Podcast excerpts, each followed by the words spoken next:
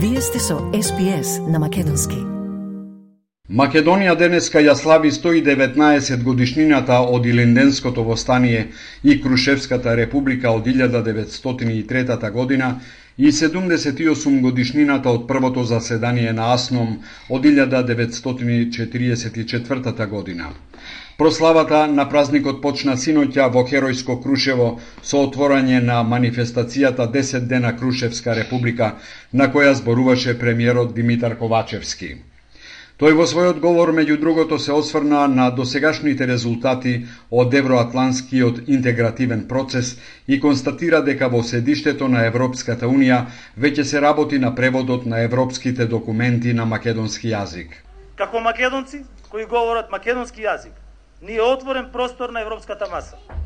Првите документи во Брисел веќе се преведуваат на македонски јазик. Никој повеќе не може и нема потреба да зборува во наше име. Нашето минато тече во нашите вени и никој не може да го одземе, дури и да сака. Ние нема од што да се плашиме, ниту ни доликува да се откажуваме од битки. И линденците, и јасномците со оружје руришале кој нинијата, за која што верувале.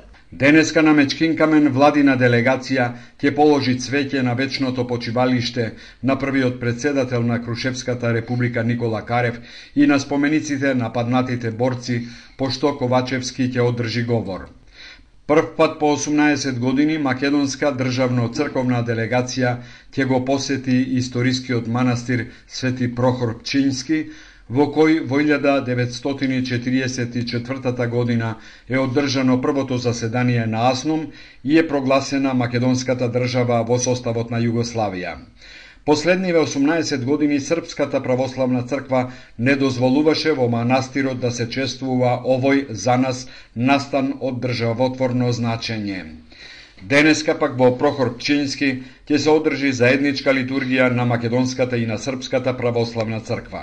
Ќе сослужуваат митрополитот Струмички Наум, Кумановско-Осоговскиот митрополит Григори и епископот Стобиски Јаков од МПЦ и епископот Врањски Пахомије од СПЦ.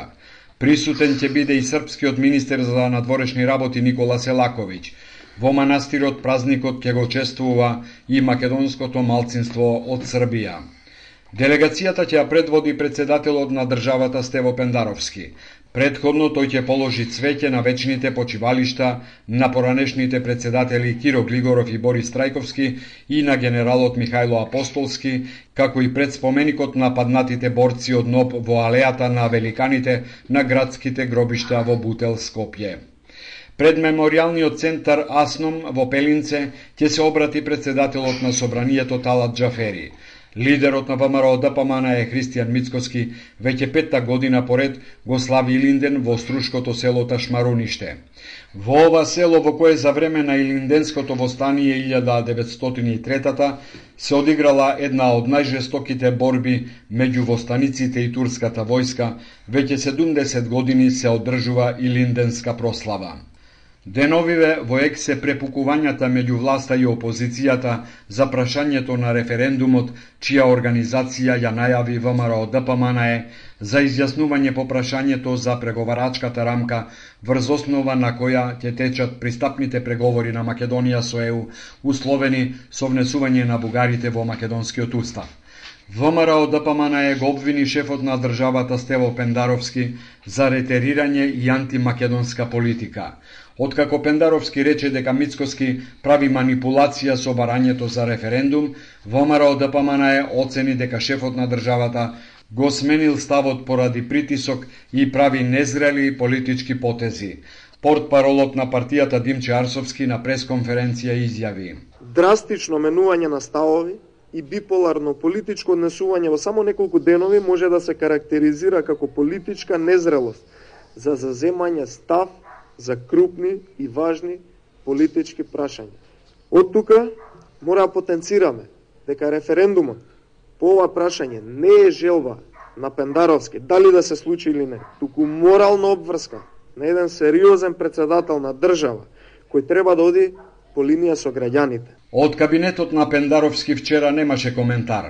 Минатата недела тој изјави дека цитат, ако воопшто има референдум, опозицијата треба да излезе со честна формулација и да не го бойкотира, а прашањето да гласи дали сакате да одите во ЕУ под вакви услови, завршен цитат. За сега никој не отстапува од своето стојалиште. Власта најавува уставни измени, а ВМРО ДПМН е бара референдумско изјаснување за преговарачката рамка. Поддршка за евроинтегративниот процес дојде и од шпанскиот премиер Педро Санчес, кој вчера попладне пристигна во официјална посета на Македонија како дел од неговата балканска турнеја. По средбата со Ковачевски се одржа пресконференција на која премиерите ги дадоа следниве изјави. Ке продолжиме да ве поддржуваме во следниот половина на, на годината што доаѓа, кога ќе преседаваме со Советот на Европа. Ве поддржуваме и ќе продолжиме да ве поддржуваме во реформите кои што се потребни во чекорот кон вашиот пристап. Евроинтегративните процеси и економската соработка се полиња од интерес и за двете земји, во кои меѓусебната поддршка е на високо ниво. Продолжуваме со интензивирање на оваа соработка и потикнување на приватниот сектор за заеднички инвестициски проекти. Како земји членки во НАТО, од исклучителна важност е нашето единство во придонесот на што побезбедна Европа. Министерството за здравство во својот дневен извештај вчера ги соопшти резултатите од предходните 24 часа, кои велат дека во последните три дена се направени 2630 тестови, а регистрирани се 1700 нови случаи на COVID-19. Има тројца починати и 1390 мина оздравени пациенти. До сега во земјава се направени вкупно 2 милиони 118.640 тестирања. Вкупниот број на COVID диагностицирани лица во земјава од почетокот на епидемијата изнесува 328.180, бројот на оздравени пациенти е 313.830, на починати е 9373, а на активни случаи изнесува 4974. Македонија до крајот на неделава ќе го доживее пикот од актуелниот бран на пандемијата.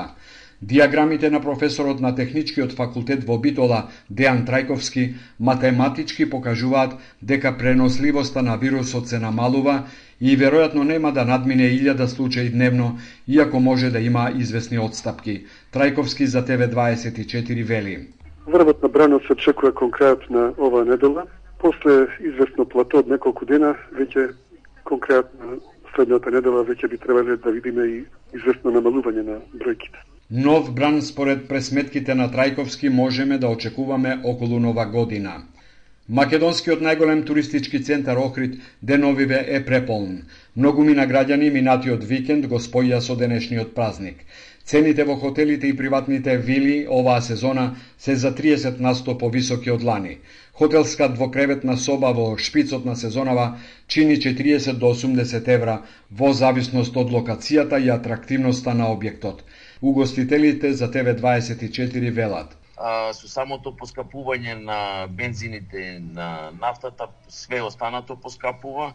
Прехрамбените производи се многу поскапени и према сето тоа мислам дека цените се многу коректни на тоа што е на оваа понуда што е во моментот за Охрид и Струга. Според сето ова еден поскромен одмор за 4 члено семејство во Охрид би чинел околу 300 до 400 евра за 7 дена. Голем дел од туристичките работници сметаат дека и покрај поскапувањето Охрид е поевтин за летување од сите други соседни дестинации Албанија, Грција, Црнагора. До 10 август главно капацитетите се зафатени и тешко може да се најде слободно место. Стиснете, ми се допаѓа, споделете, коментирајте. Следете ја SPS на Македонски на Facebook.